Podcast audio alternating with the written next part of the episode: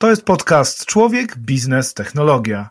Z moimi gośćmi rozmawiam o perspektywie człowieka w świecie pełnym technologii.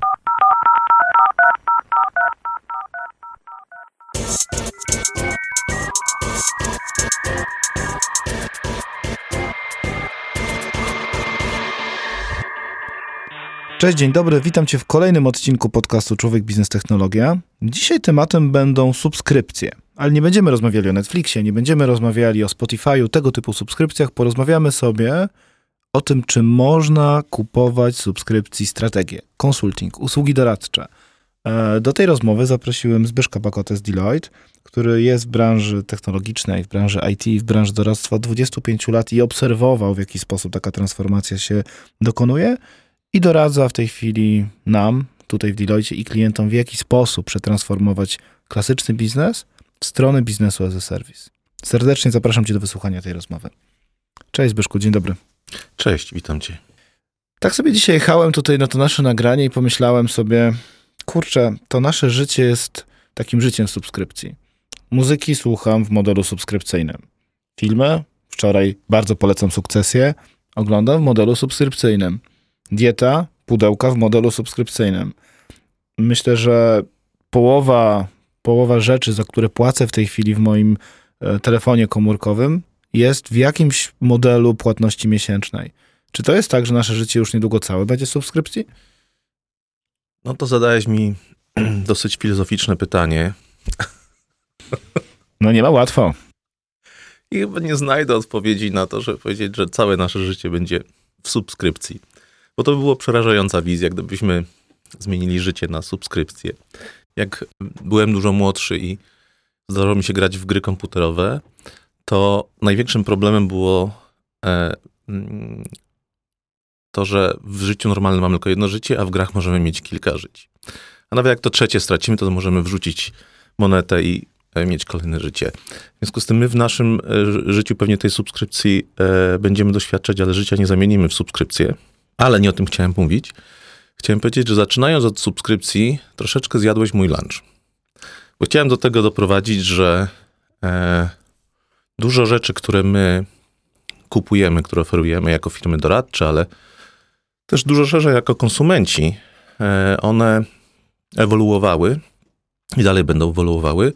I w pewnym momencie chciałem dojść do takiego etapu, gdzieś być może w połowie naszej rozmowy, że dojdę do subskrypcji. A ty tutaj wprowadziłeś od razu subskrypcję od samego początku i właściwie postawiłeś mnie e, w połowie tematu, e, sugerując troszeczkę też słuchaczom, że będziemy rozmawiać o tym, w jaki sposób właściwie można sprzedawać usługi doradcze w modelu subskrypcyjnym, ergo w jaki sposób my to robimy. Wiesz co, do tego dojdziemy jeszcze pewnie, natomiast zacznijmy może, wiesz, w ogóle od tym, od tego, dlaczego powstała subskrypcja. No jakby patrząc, wiesz, na historię ekonomii, tak, e, co do zasady, wiesz, kiedyś było tak, że się wytwarzało dane dobra, e, była strona, która te dobra gdzieś tam wytwarzała, sprzedawała i ta, która je kupowała za jakąś określoną cenę, tak. To dobro miało jakąś wartość i to wszystko bazowało na takim poczuciu własności, tak? Tego, tak. że ta transakcyjność powodowała, że ktoś coś sprzedaje, to kupuje i to jest moje. Tak. Płacę za to z góry, za tą wartość, którą potem wykorzystuję przez rok, dwa, pięć, dziesięć lat, mhm. tak? E, I mam takie poczucie, że to jest moje. Ale no, od 10-20 lat obserwujemy coraz więcej modeli biznesowych, które mówią, nie kupuj kawy, możesz ją sobie w pewnym sensie subskrybować w postaci, nie wiem, Nespresso. Mhm. Nie musisz już kupować muzyki. E, tak, Apple pierwszy powiedział, kupuj sobie piosenki, potem Spotify powiedział, a może po prostu będziesz słuchał muzyki. No, więc tak. jakby to jest dosyć ciekawe, że przyzwyczailiśmy się do tego, że usługi, takie jak na przykład usługa słuchania, wchodzą as a service, tak? Mhm. Teraz jest też ciekawy taki trend, gdzie produkty wchodzą as a service, tak? Takie tak. firmy na przykład jak Sandoz Polski, który mówi, możesz sobie kupić y, suplementację diety, która jest specjalnie dla ciebie i będziemy ci ją dostarczać do domu. Mhm. Dobrze zacząłeś i wprowadziłeś mnie w tej, w tej chwili w taki, mm, taki ciąg myślowy, który e, pojawił się, jak zacząłem czytać e, Yuvala na Harariego. On e, bardzo ładnie w historii świata przedstawił, że przez tysiące lat w zasadzie życie każdego pokolenia było takie samo. Ono się nie zmieniało. Jakbyś wziął człowieka w roku 1000, 100 i później przeniósł go 500 lat w czasie, to właściwie jego życie byłoby bardzo podobne. Jego ojciec byłby kowalem, panowałby jakiś król, on by codziennie pracował na roli, albo szyłby obuwie, cokolwiek by robił. Nie zmieniałoby się. Natomiast XX wiek, druga połowa XX wieku, a później wraz z rozwojem technologii XXI wiek, to jest dramatyczne przyspieszenie. Przyspieszenie właściwie wszystkiego. Życia ludzkiego, tego, co my potrzebujemy, e, jak my korzystamy z tego, co kupujemy. Kiedyś, jak się budowało domy, jeszcze na przypuszczalnie pokolenia naszych dziadków i rodziców, budowali domy na pokolenia. Buduję dom 300 metrów i w tym domu będę mieszkał mm. ja, moje dzieci, moje wnuki. Dzisiaj my staliśmy się tak mobilni, mówię o społeczeństwie, głównie o tym rozwiniętym społeczeństwie zachodnim, ale szybko do tego zachodniego modelu e, życia dopasowujemy się, to oni już nie budują domów dla dzieci, dlatego że szansa i prawdopodobieństwo, że dzieci będą mieszkały w tym samym mieście, miasteczku lub wsi, tam gdzie rodzice i dziadkowie, jest coraz bliższa zeru. Co więcej, zmieniają się nasze gusta i upodobania. W związku z tym my już nie będziemy chcieli mieszkać w ceglanym albo e, domu z pustaków zbudowanym przez naszego dziadka, tylko będziemy chcieć mieszkać w kamperze, bo będziemy się przemieszczać e, co miesiąc, co rok w inne miejsce i będziemy pracować mm. z, innego, z innego miejsca. I rozwój technologii, ty powiedziałeś o Spotify'u, o innych firmach, które dostarczają, o Apple, które dostarczają nam swoje serwisy w modelu subskrypcyjnym. Ten rozwój technologii umożliwił nam korzystanie bardzo wybiórcze z tego, co chcemy akurat dzisiaj mieć. Innymi słowy, kiedyś musiałem kupić płytę całą, czy to był winyl, czy to była CD, na którym prawdopodobnie miałem ze dwie ulubione piosenki. Ale mm. musiałem kupić całą płytę. Jak Apple wprowadziło swój e, Apple Music, to okazało się, że ja w cenie albumu mogę sobie kupić 10 ulubionych piosenek sześciu różnych wykonawców. Co oczywiście daje mi większą frajdę, większą satysfakcję, bo słucham tego, czego chcę słuchać. No i dochodzimy do takiego modelu, że my jako konsumenci, czy to konsumenci muzyki, czy konsumenci kawy, czy też konsumenci usług doradczych, czy konsumenci technologii, przechodzimy do takiego etapu, że właściwie my chcemy dostać to, co nam dziś jest potrzebne, a nie to, co oferuje sprzedawca. I zaczynamy wybierać.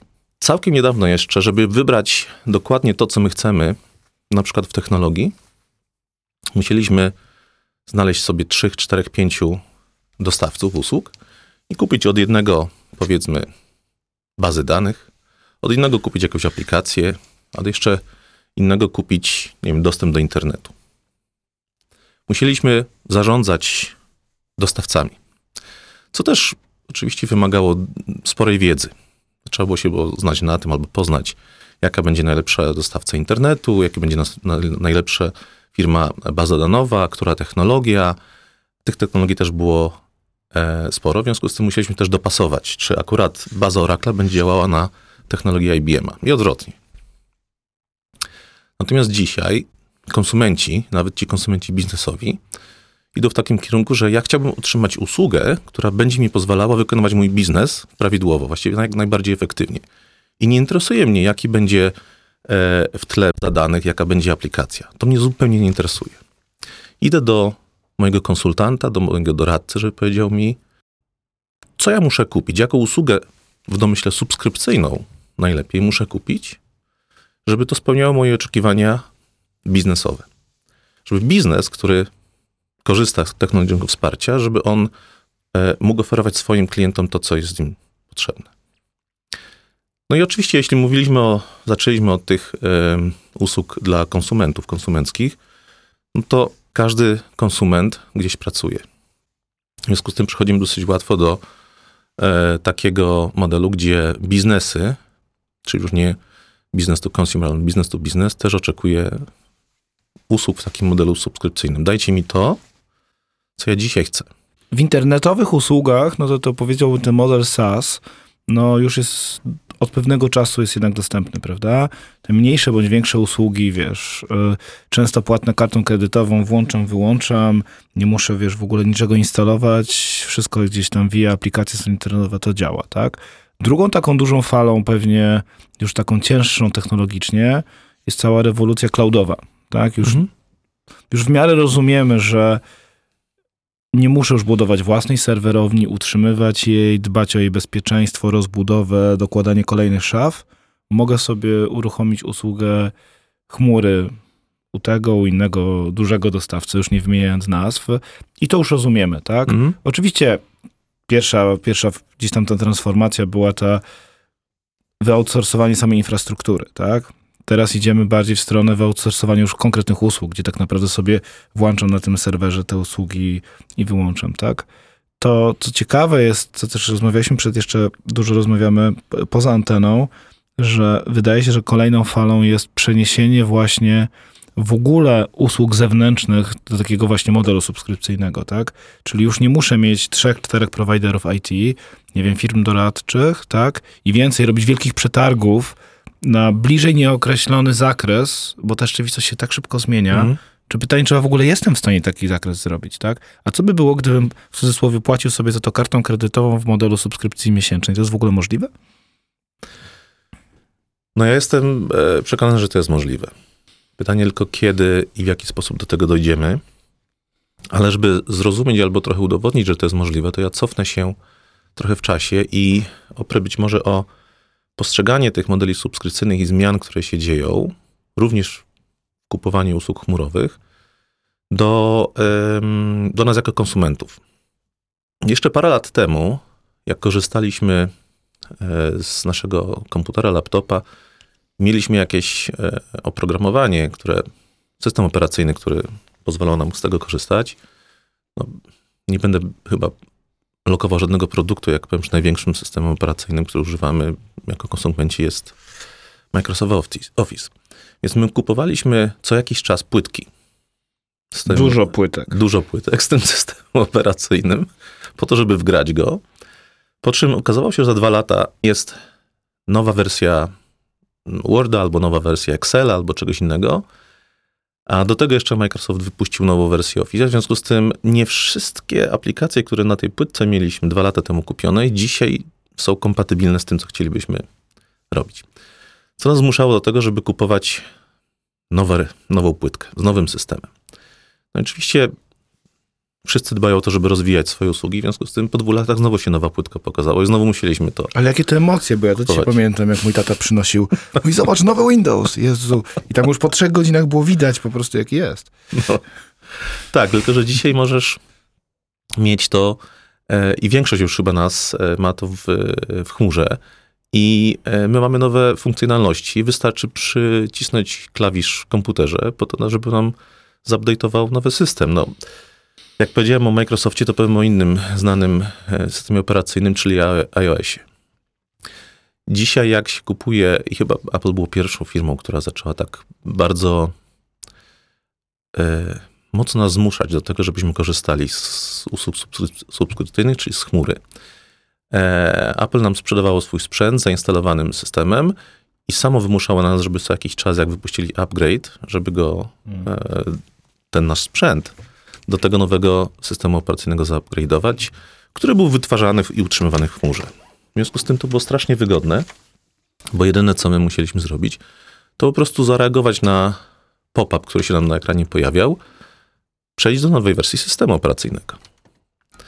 I jak patrzymy na to, że my przyzwyczailiśmy się przez te lata jako konsumenci do takiego modelu, wspomniałeś o Spotify'u, o, e, o Netflixie, rzeczywiście ta wygoda i możliwość korzystania z wielu bardzo e, dostępnych usług albo, albo wielu filmów, albo słuchania różnej muzyki za jedną stałą płatę, która w przypadku na przykład Netflixa może się równać jednorazowemu wyjściu do kina. W odbiorze konsumenta to jest ogromna wartość. Też ogromna oszczędność. Bo usługi każde technologiczne, doradcze, e, podlegają tym samym zasadom, co kiedyś wprowadził były kolarz, pan Miłek, na rynek, sprzedając buty, wprowadził markę CCC. Cena czyni cuda. I rzeczywiście my e, jesteśmy konsumentami jako osoby fizyczne, ale później też jesteśmy konsumentami usług biznesowych jako e, menadżerowie w firmach, w których pracujemy. My też mamy ograniczenia budżetowe, tak jak każdy konsument. W związku z tym, jeśli możemy mieć usługę, która mieści się w naszym budżecie, być może zostawia nam jeszcze miejsce na zakupy czegoś innego i dostać dokładnie to, co chcemy, nie martwić się o to, że będziemy musieli za dwa lata to wymienić na nowszy model, mm. to powoduje, że zaczynamy się tym interesować. No i oczywiście musimy dojść do takiego etapu, gdzie dostawcy rozwiązań profesjonalnych, doradczych, czy też technologicznych będą mogli świadczyć swoje usługi w modelu, który będą dużo chętniej kupowali odbiorcy, niż dzieje się to dzisiaj. To jest pewien proces, proces mentalny również. My jako nabywcy musimy, nabywcy usług profesjonalnych, menadżerowie, właściciele firm, musimy też dojść do takiego przekonania, że to jest dobre dla nas, co my kupimy. Czyli usługa subskrypcyjna, chyba najtrudniejsze, co sobie można wyobrazić w takim modelu profesjonalnym, to jest kupowanie strategii w modelu subskrypcyjnym. No tak, no bo strategia, no to wiesz, to po strategię, no to idziesz raz, strategię robisz raz na trzy lata przecież, albo raz na pięć lat, no bo przecież wiadomo, okay, no muszę bardzo często, nie wiem, zatrudniam firmę doradczą, robię duży przetarg, ona już po kilku miesiącach do mnie przyjdzie z tym, co, co, co mam do zrobienia, ja sobie to robię ładne slajdy, potem sobie przez 3 do 5 lat e, realizuję tę strategię i potem od początku. Ale świat tak nie działa. 5 lat obecnie, to co powiedziałeś o Hararim, to nie jest to samo co 500 lat wcześniej. Bardzo często rzeczywistość w ciągu tych 5 lat potrafi się zmienić tyle, co przez 100 lat wcześniej. Tak, to świetnie widać na modelach telefonów komórkowych, które kupujemy. Kupujemy telefon komórkowy, mm, często też w modelu subskrypcyjnym, razem z abonamentem za usługi telekomunikacyjne. Kupujemy ten telefon i po dwóch latach już nie chcemy z niego korzystać, chcemy nowszy model. Dlaczego tak się dzieje? Dlatego, że nowa funkcjonalność, czy funkcjonalności, które się pojawiają w tym czasie, są e, tak absorbujące i przyciągające, szczególnie naszą wyobraźnię, że już nie chcemy korzystać z tego telefonu i z tego aparatu o takiej rozdzielczości, jaką miał fantastyczną dwa lata temu, tylko chcemy coś nowego. Bo to jest lepsze, bo to jest szybsze, bo nam daje e, większe możliwości. Już ma 5G sieć, a nie tylko 4G, w związku z tym będziemy mogli oglądać więcej streamingu na telefonie. I to samo się dzieje na rynku e, strategii. Kiedyś rzeczywiście firmy wystarczyło, że zrobiły strategię raz na 5 lat. Firmy, ba, państwa. Ja pamiętam, jak byłem dzieckiem, słyszałem o, o pięciolatce, tak? strategia rozwoju hmm. państwa pięć, na, na pięć lat.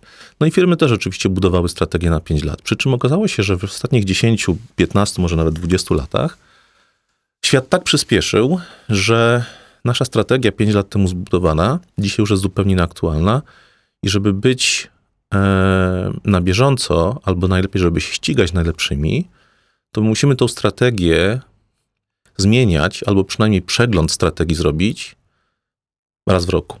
Hmm. I sprawdzić, czy my jesteśmy rzeczywiście w tym miejscu, w którym chcieliśmy być i czy okoliczności, warunki zewnętrzne, rynki, na których działamy, nie zmieniły się tak dramatycznie, że musimy zmienić naszą strategię, żeby dopasować się do rynków. Okej, okay, ale taką strategię mogę robić oczywiście też wewnętrznie albo zewnętrznie, tak? Jakie są też zalety tego, żeby właśnie mieć na tak zwanym podorędziu w subskrypcji usługi strategiczne, wiesz, w modelu as a service?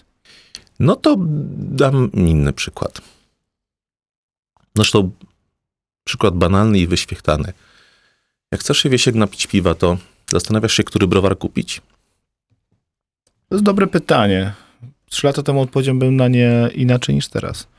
No Trzy lata temu do wyboru, czy pięć lat miałem trzy piwa. W tej chwili całe szczęście jest 60 do 70. Tak. Lubię eksperymentować.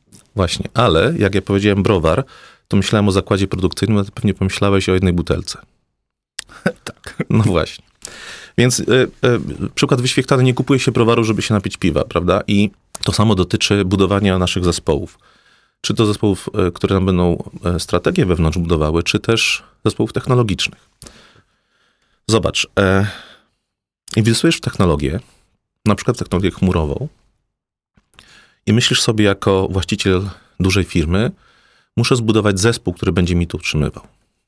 Ale ta chmura to jest tylko za, zastępuje mi infrastrukturę. Ja muszę mieć jeszcze aplikację. E, kupuję licencję na tę aplikację i muszę mieć zespół, nauczyć, zbudować i utrzymać zespół, który będzie się znał na tych aplikacjach i będzie mi dostarczał z tych aplikacji, z chmury, to, czego ja potrzebuję do biznesu. Co dzisiaj, jakie mamy zagrożenia na rynku? Mamy zagrożenie pierwsze takie, że technologie bardzo szybko starają się już przestarzałe. W związku z tym ja dzisiaj kupując daną technologię, inwestując w szkolenie moich pracowników, muszę myśleć o tym, że jak będę musiał non-stop szkolić, być może nie w tej technologii, ale za chwilę w innej technologii. Mhm. Albo zatrudnić innych, którzy znają nową technologię. A co zrobię z obecnymi? Czy ich zwolnię, czy ich przekwalifikuję? To jest jeden problem. Drugi problem jest e, globalny problem, to jest braki na rynku pracy. Oczywiście mogę pomyśleć sobie, że ja zainwestuję w ludzi, wyszkolę ich ludzi, zatrudnię ich 50, 100, 300 informatyków wysokiej klasy. Ale ilu ja utrzymam z tych 300 przez najbliższe dwa lata?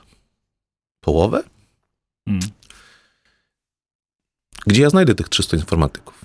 Jeśli chcę ich znaleźć w Polsce, to muszę godzić się na to, że będę akceptował stawki, które dyktuje rynek polski. Jeśli hmm. jestem firmą amerykańską, to muszę zaakceptować stawki rynku amerykańskiego. No, biorąc pod uwagę, że w ogóle być może nie znajdę tych pracowników. Właśnie. To jest jeszcze inna kwestia. Właśnie. E, przechodzimy do takiego e, problemu, który spotyka każdego właściciela, menedżera i, i szefa rekrutacji, gdzie ja znajdę tych pracowników. Jak będziesz zastanawiał się nad tym, gdzie znajdę pracowników, to dojdziesz do takiego etapu, gdzie pomyślisz sobie, co mi jest potrzebne, czy mi są pracownicy potrzebni, czy mi jest potrzebny serwis, usługa. Ja właściwie potrzebuję tych pracowników tylko i wyłącznie po to, żeby dostać od nich usługę. Mhm. To może ja pominę ten krok i ja kupię usługę od kogoś, kto dostarcza tę usługę i nie będę się bawił w rekrutera, nie będę poświęcał czasu na to, żeby tych ludzi znaleźć. Nie będę inwestował w szkolenia, żeby ich szkolić, żeby ich rozwijać. Nie będę też inwestował w miejsca pracy, czyli w biurowce, żeby ci ludzie siedzieli. Bo co mi jest potrzebne? Mnie jest potrzebna po prostu usługa. Mhm. No tak, znaczy, oczywiście wiesz, no tutaj to jest kwestia strategiczna, no bo pewnie będzie ten zestaw, zestaw usług i zestaw kompetencji, które są korowe, które są kluczowe dla mojej działalności. Je będę chciał mieć, no bo to się wiąże, nie wiem, z IP moim i tak dalej. Mówimy pewnie też o tych usługach, które nie są dla mnie kluczowe albo które mam na przykład problem ze skalowaniem, tak? Chcę zrobić coś szybko, prawda? Natomiast, wiesz, mnie cały czas zastanawia, no bo to, o czym mówimy tutaj, to w pewnym sensie można powiedzieć, ok, no to po to korzystam z outsourcingu, tak? Po to korzystam z firm IT i z firm doradczych. Czym różni się ten model właśnie, jak my go też w Deloitte nazywamy operate, tak? Od klasycznego modelu, tak? Gdzie jest ta różnica? Bo też powiedziałeś o, o, o czynniku cenowym, mhm. tak? Dlaczego E, jak jest w ogóle możliwy taki model, w którym ja sobie tą usługę biorę w pewnego rodzaju subskrypcji. Pewnie nie mówię tu subskrypcji miesięcznej. I jeszcze mam to taniej. Same zalety. Mhm. To jak to może działać? No, tak samo jak e, wszystkie inne usługi subskrypcyjne, o których powiedziałeś, czyli o Netflixach, o, o Spotify'ach tego świata. Ale yy, zadając mi pytanie, właściwie udzieliłeś już odpowiedzi, jeśli któryś z słuchaczy uważnie słuchał, bo Powiedziałeś o moim core biznesie. Dzisiaj żaden biznes nie jest w stanie funkcjonować bez wsparcia IT. Ale czy to oznacza, że każdego przedsiębiorstwa core biznes to jest IT? No nie. Wcale nie. W związku z tym, to, o czym my mówimy, to jest otwarcie troszeczkę oczu nam, naszym klientom, biznesom, którym doradzamy, na to, że żeby wygrać na rynku z konkurencją, to muszą skupić się na swoim core biznesie. Muszą zastanowić się i właściwie wszystkie siły mentalne i fizyczne skupić się na to, jak wygrać na rynku konkurencyjnym, jak wdrożyć innowacje, nowy produkt, nową usługę, a nie skupiać się na tym, w jaki sposób wykorzystać dostępne technologie i znaleźć ludzi, którzy będą wiedzieli wewnątrz mojej organizacji, które z tych technologii akurat będą najlepiej wspierać mój biznes. I też wspomniałeś e, słowo e, outsourcing. E, I to też jest bardzo szerokie pojęcie, dlatego że my, jak nawet jako konsumenci, nie robimy wszystkiego sami. Mógłbyś sobie, Wiesiek, na przykład sam zrobić kampera. Ale Mógłbym. pewnie myślisz, moje kompetencje, na których będę zarabiał lepiej i więcej, i leżą gdzieś indziej. Być może się zajmę marketingiem, być Hmm. może doradztwem, a nie będę robił kampery. Jest pewnie firma gdzieś w Polsce, która dużo lepiej ode mnie to zrobi i być może taniej i szybciej. Rozmawialiśmy właśnie ze Zbigiem, że zresztą słuchacze wiedzą, że już prawie dwa lata walczy z kamperem, projektem Kamper i już w przyszły czwartek, ten najbliższy, nagrywamy to, e, nagrywamy to w mniej więcej w połowie grudnia, jest zamiar odebrania. I faktycznie, jakby ja policzyłem, po pierwsze, wiesz, policzyłem, czy, czy, mnie- czy mnie na to stać, żebym sam robił tego kampera. Doszło mi do, doszło do wniosku, że mnie nie stać po prostu, bo potencjalnie moja stawka jest tak duża, że po prostu nie stać mnie samego na, na mnie. Tak? To jest pierwsza rzecz. Druga, no po prostu bym zrobił kiepskiego kampera, no umówmy się, tak? Tak. Znaczy po prostu jestem w stanie zrobić pewne rzeczy w domu, jestem w stanie powiesić obraz, czy jestem w stanie zamontować instalację solarno, elektryczno, webasto i tak dalej? Oczywiście nie. Tak, w związku z tym, no, dlatego szukam firmy. Ale okej, no ale to jest stary model, tak? Outsourcing istniał, tak? Więcej, centra usług, one też istnieją od lat, tak. Tak. To czym różni się taki BPO od subskrypcji i od tego modelu operate? Bardzo dużo różnic. Taki BPO to tak naprawdę e, dzisiaj jeszcze w wielu miejscach to jest wyoutsourcowanie ludzi. Czyli ktoś mówi, dobrze, pierwszym, a właściwie są dwa podstawowe, e, dwie podstawowe przyczyny, dla których się e, myśli o outsourcingu. Pierwsza to jest szukanie e, korzyści kosztowych, optymalizacji kosztów i to się pojawia najszybciej i najłatwiej tam, gdzie przeniesiemy proces i ludzi do miejsca, w którym oni są tańsi. Na przykład, nie wiem, z Niemiec do Polski, czy ze Stanów do Indii. Drugi powód, dla których firmy myślą o outsourcingu, to jest brak talentów. Po prostu nie jestem w stanie znaleźć, na przykład w Holandii, dosyć mały kraj, ale zamożny, nie jestem w stanie znaleźć wystarczająco dużą ilość ekspertów w danej dziedzinie. Czy to będzie IT, czy to będzie prawo, czy to będzie mm, doradztwo. W związku z tym szukam miejsca, gdzie takich ekspertów znajdę. Jeśli chodzi o IT, no być może to będą Indie, być może Chiny, być może Europa Wschodnia. Nie dość, że tam jest więcej tych ludzi, no bo zobaczmy, w całej e, e, Europie e, Wschodniej, my w Deloitte nazywamy to Central Europe, mieszka 124 miliony osób. To jest dużo więcej niż w Holandii. W związku z tym możliwość znalezienia w tym miejscu zasobów konkretnych, o konkretnych umiejętnościach jest dużo łatwiejsze niż w Holandii. Co więcej, w Europie Wschodniej będzie to też dużo tańsze niż w Holandii. I to, są, to jest outsourcing. Natomiast jeśli mówimy o usługach subskrypcyjnych, to my oddajemy cały problem z tym, jak będą ci ludzie zarządzani, w jakich technologiach będą pracowali, jak będziemy ich szkolić, jak będziemy zarządzać rotacją tych ludzi. Oddajemy to komuś innemu, kto się tym zajmie i będzie robił to profesjonalnie, bo to będzie jego core business. Będzie to robił w związku z tym Mhm. dużo lepiej niż ja, bo też efektywność jego będzie dużo większa niż moja. Ja będę od niego, od, tego, tej firmy, od tej osoby kupował tylko to, co jest mi dzisiaj potrzebne, to, z czego chcę skorzystać. Dam przykład em, analiz rynkowych. Wcześniej mówiłem o tej strategii, nie dokończyłem, że też można kupować strategię w modelu subskrypcyjnym i ona będzie per saldo w okresie roku, dwóch, trzech tańsza niż gdybyśmy kupowali co rok czy co dwa lata e, strategię. Ale teraz powiem o tym, e, o tych usługach analitycznych. No jesteśmy dzisiaj raz, że uzależnieni od technologii, a dwa, że jesteśmy uzależnieni od danych. I żeby wiedzieć, co się dzieje w moim biznesie, muszę przetwarzać miliony danych. No oczywiście mogę zainwestować w bazy danych, mogę zainwestować w ludzi, którzy będą obrabiać e, te dane, ale tak naprawdę ja mogę pójść do kogoś, kto mi w modelu subskrypcyjnym da wynik tego, tej analizy. Do czego mi jest analiza potrzebna? Do tego, żeby mógł podjąć decyzję. Tylko i wyłącznie. W związku z tym ja mogę zatrudnić sobie kogoś, kto takich data diggerów ma 100 czy 200 czy 500 i powiedzieć, chciałbym od ciebie dostać wynik takiej takiej analizy, żeby móc podjąć decyzję biznesową. No i zadać pytanie, ale jak to się będzie opłacało mnie i tej firmie? Ano tak, że tak jak na przypadku strategii, żeby przygotować dla kogoś strategię albo zrobić analizę, ja muszę przeskanować cały rynek. Ale jak skanuję cały rynek, to skanuję też mojego klienta i jego konkurencję. W związku z tym wiem wszystko, co się dzieje na Mhm. tym rynku.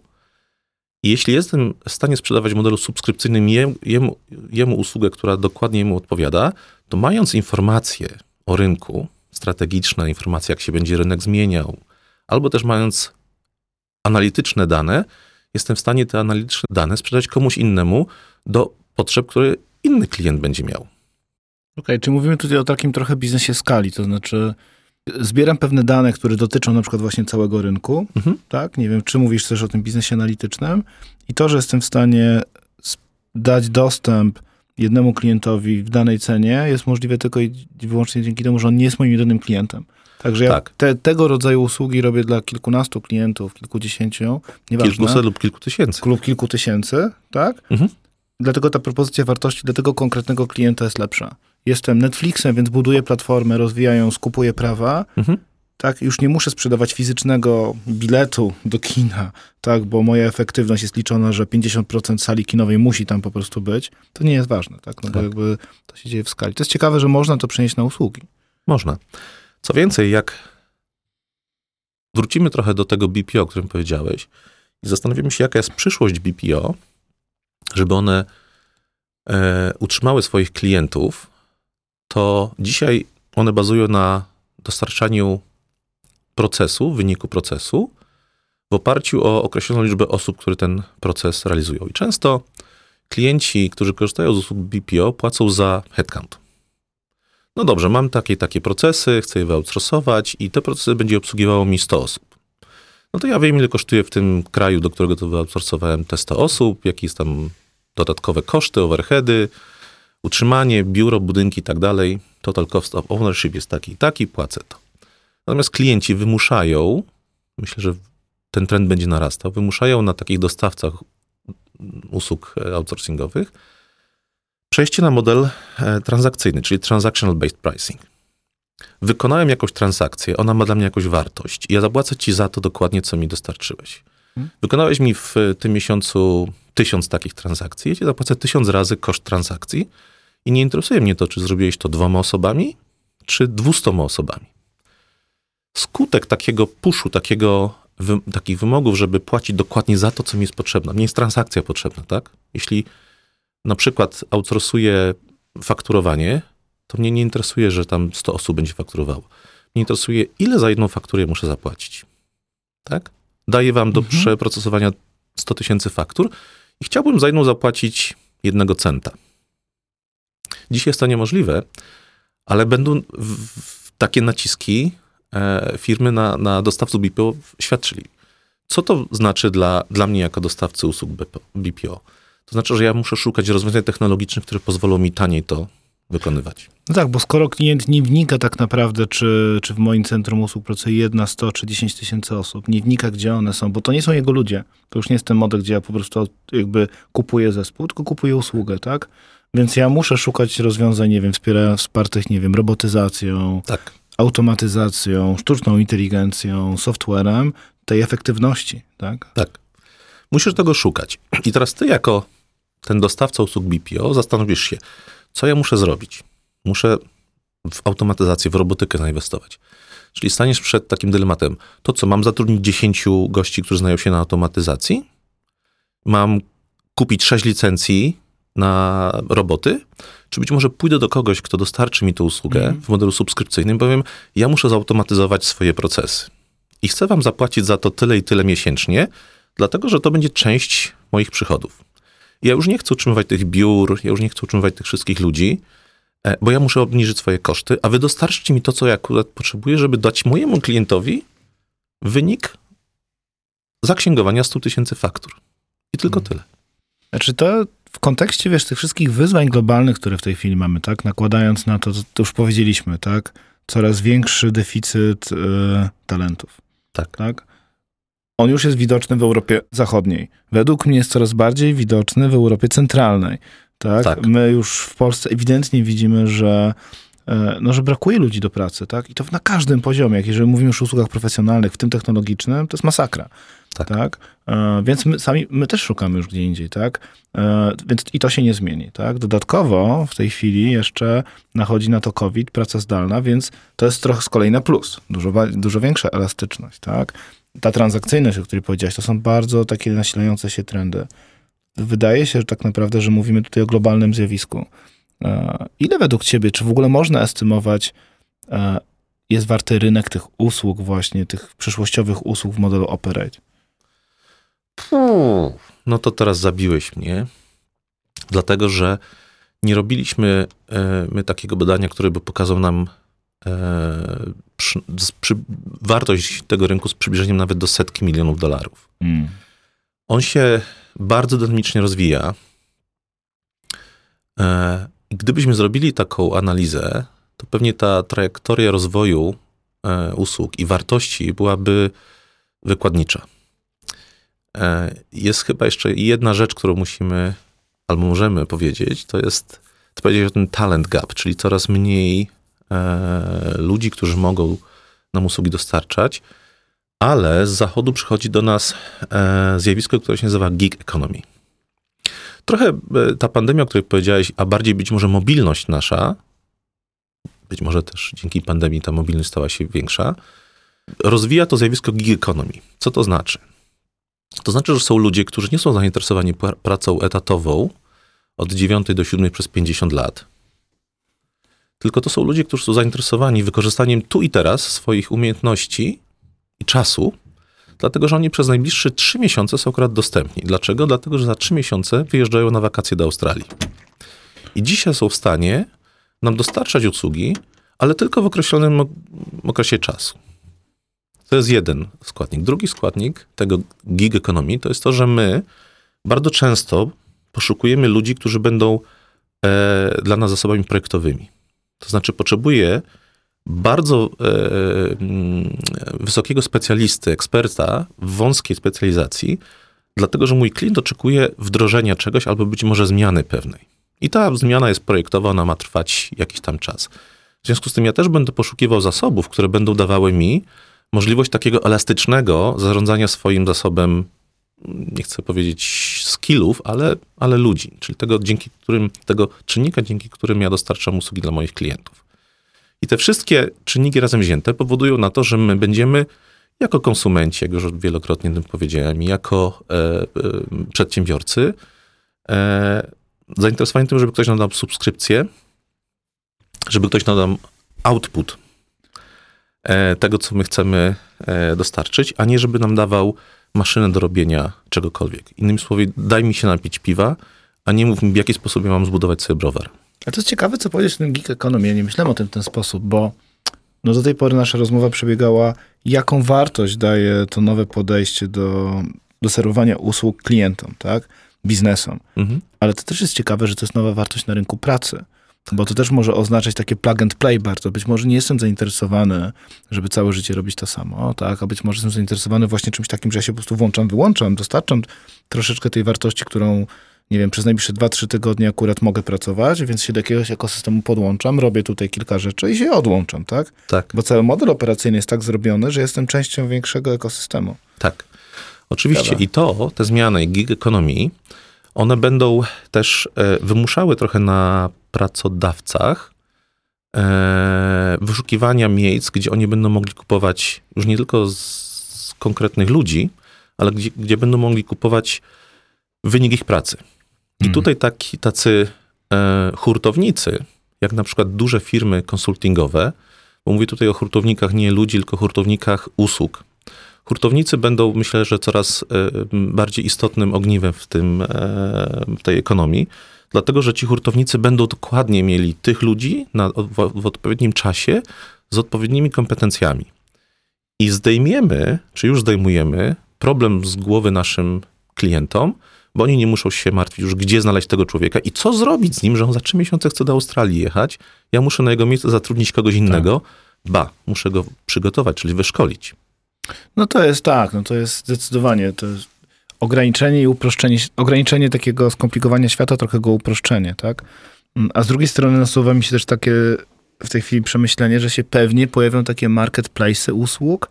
Już nie mówię, że klienci będą tego korzystali, ale nawet po stronie tych, wiesz, hurtowników, o których powiedziałeś, oni też będą musieli się przeredefiniować, tak? Tak, właśnie, tak? Czyli bardzo takie elastyczne podejście do zarządzania w ogóle tym, z kim pracuję, tak? Kto mi te usługi świadczy, ale to jest na inną rozmowę prawdopodobnie. Zbyszek, jeszcze tak troszeczkę do, do brzegu. Chciałem podsumować takie trochę główne wyzwania i korzyści z jednej strony dla, dla osób zarządzającymi firmami, tak? które zarządzają też budżetami IT technologicznymi, innowacyjnymi, strategicznymi, o którym też mówiłeś, tak? Dlaczego powinienem zastanowić się nad zmianą tego modelu, tak?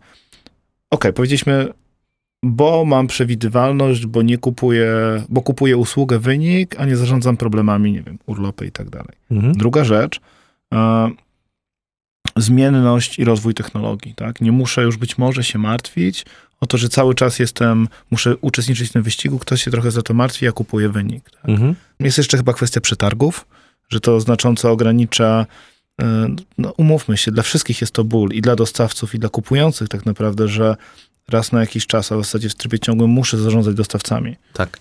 To też chyba też taki aspekt ważny w tym. Ważny, ale nie powiedziałeś chyba o tym najważniejszym na koniec zostawiłeś. Są takie dwa magiczne słowa, które każdy w firmie e, co jakiś czas przy przetargach, przy budżetowaniu używa. To jest CAPEX versus OPEX. E, czyli nakłady inwestycyjne versus wydatki operacyjne. I oczywiście to najpiękniej widać przy małych firmach, a dzisiaj dzięki tym zmianom technologicznym i trochę rozwoju przedsiębiorczości widzimy na całym świecie wysyp startupów. I wyobraź sobie, że ty jesteś e, twórcą takiego startupu, który ma, no nie wiem, może ma 100 tysięcy złotych na start i chcesz wymyślić jakiś innowacyjny produkt albo usługę, ale wiesz, że ci jest potrzebna technologia do tego.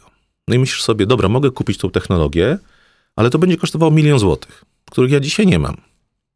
Bez tej usługi, bez tej technologii nie rozpocznę rozwoju swojego produktu. No i przychodzi ci ktoś e, e, z odpowiedzią, ale ty nie musisz kupować tego produktu całego. Nie musisz inwestować w technologię, w bazy danych, w zakup licencji miliona złotych, bo my możemy ci to dać w modelu subskrypcyjnym za jedynie 25 tysięcy miesięcznie.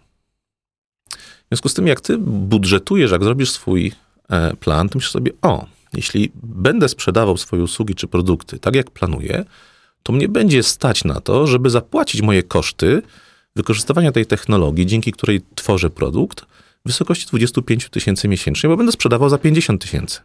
I dzisiaj ktoś, kto nie jest w startupie, ale jest w dużej firmie, zastanawia się, czy stać mnie na to, żeby zainwestować 25 milionów euro w coś, co jest mi niezbędne do tego, żeby przeskoczyć ten cywilizacyjny gap, tak, tą, tą dziurę cywilizacyjną, czy mnie dzisiaj na to nie stać, bo nie wygenerowaliśmy takiej dużej ilości gotówki. Do tej pory myśleli menedżerowie, są banki, dzięki którym będzie nas na to stać. Weźmiemy kredyt i kupimy coś, co jest nam potrzebne za 25 milionów euro. Ale przecież dzisiaj już nie muszę kupować tego. Dzisiaj mogę powiedzieć, proszę dostarczcie mi to, co mi jest potrzebne do działania operacyjnego, wynik waszej analizy, nie wiem, w modelu subskrypcyjnym chmurę, plus wszystkie aplikacje, które z tej chmury e, są mi potrzebne, z których będę korzystać i zapłacę wam za to być może jedną setną procenta wartości. Co zresztą nie jest bardzo odkrywcze, bo wszyscy ludzie, którzy korzystają z leasingu dzisiaj, e, mają możliwość tak zwanego wynajmu długoterminowego. I firmy, które produkują samochody, które sprzedają te samochody, zauważyły, że dużo łatwiej i dużo więcej jest sprzedać usług komunikacyjnych, jeśli one sprzedadzą ten samochód w modelu subskrypcyjnym za 1% ich wartości miesięcznie. Więcej za ten 1% masz opony, serwis, przeglądy. Dokładnie. I to są wartości dodane, które możesz mm. dostać.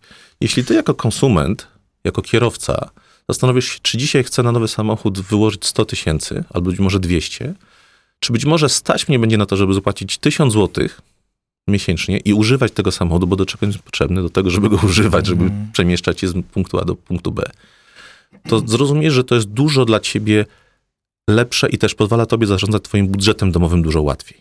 Nie musisz brać kredytu na 100 tysięcy, bo wystarczy, że ty zapłacisz opłatę subskrypcyjną.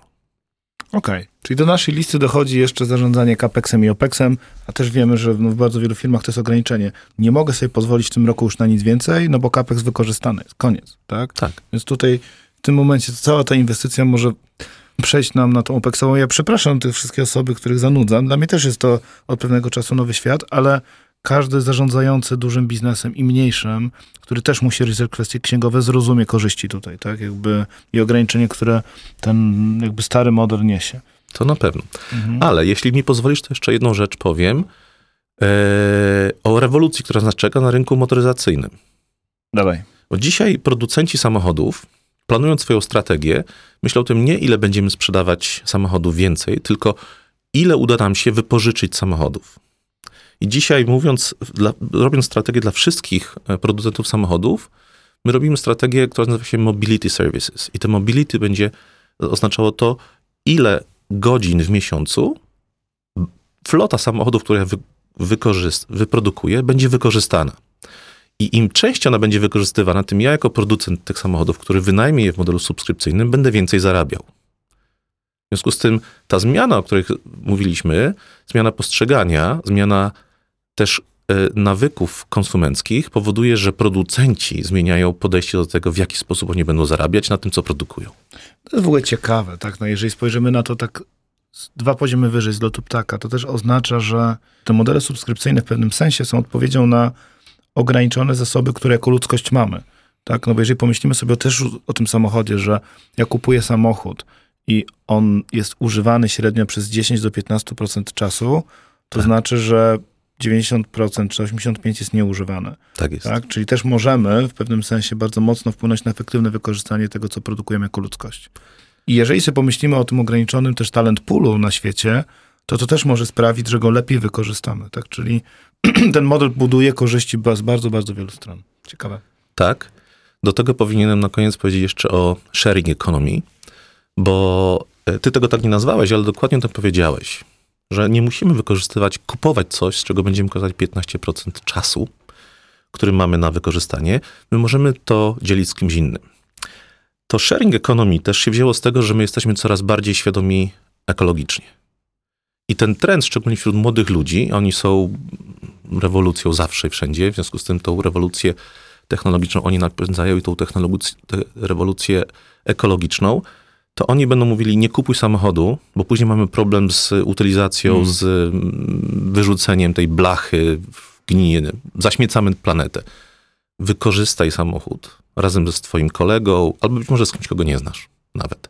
Bo jak oddasz samochód na parkingu, ktoś inny w niego wsiądzie za 5 minut i pojedzie. Dokładnie. I to samo jest z ludźmi, i to samo jest z modelem Operate.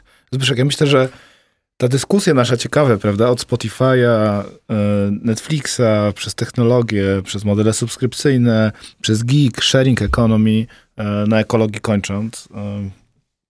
Chciałem ci bardzo podziękować za tą rozmowę i no też z wielką uwagą będę, wiesz, obserwował, jak się transformuje ten rynek i technologiczny, rynek firm doradczych, wspólnych centrów usług. Myślę, że jesteśmy świadkami dużej rewolucji. To bardzo ciekawe i trzymam kciuki też, w pewnym sensie trzymam kciuki naprawdę, żeby to się zadziało, bo to jest dużo bardziej efektywne wykorzystanie tych zasobów, które jako ludzie mamy. Mając świadomość, że to jest zmiana nieunikniona, my już się do tego przygotowujemy i będziemy naszych klientów na, y, zachęcać do tego, pokazując korzyści, o których dzisiaj z Tobą rozmawiałem, pokazując korzyści z, właśnie z takiego modelu subskrypcyjnego dla wszystkich usług, które oferujemy. Super, dziękuję Ci bardzo. A wszystkich tych, którzy są y, zainteresowani, którzy chcieliby porozmawiać też o tym, jak sharing economy, jak geek economy, jak operate, subskrypcje y, mogą być zastosowane w Waszym biznesie, zachęcamy do kontaktu i z chęcią odpowiem na Wasze pytania. Dziękuję Ci bardzo. Jeżeli wysłuchałeś tego odcinka, uważasz, że jest wartościowy, nomen omen, zasubskrybuj ten podcast na platformach podcastowych. Oceń go czy na Spotify'u, czy na Apple Podcast. To pozwoli naszej subskrypcji być lepszą, to pozwoli dawać nam większą wartość, a tym treściom być lepiej e, wyszukiwanym i słuchanym przez większą liczbę osób. Dziękuję. Dziękuję Tobie i dziękuję wszystkim, którzy nas słuchali.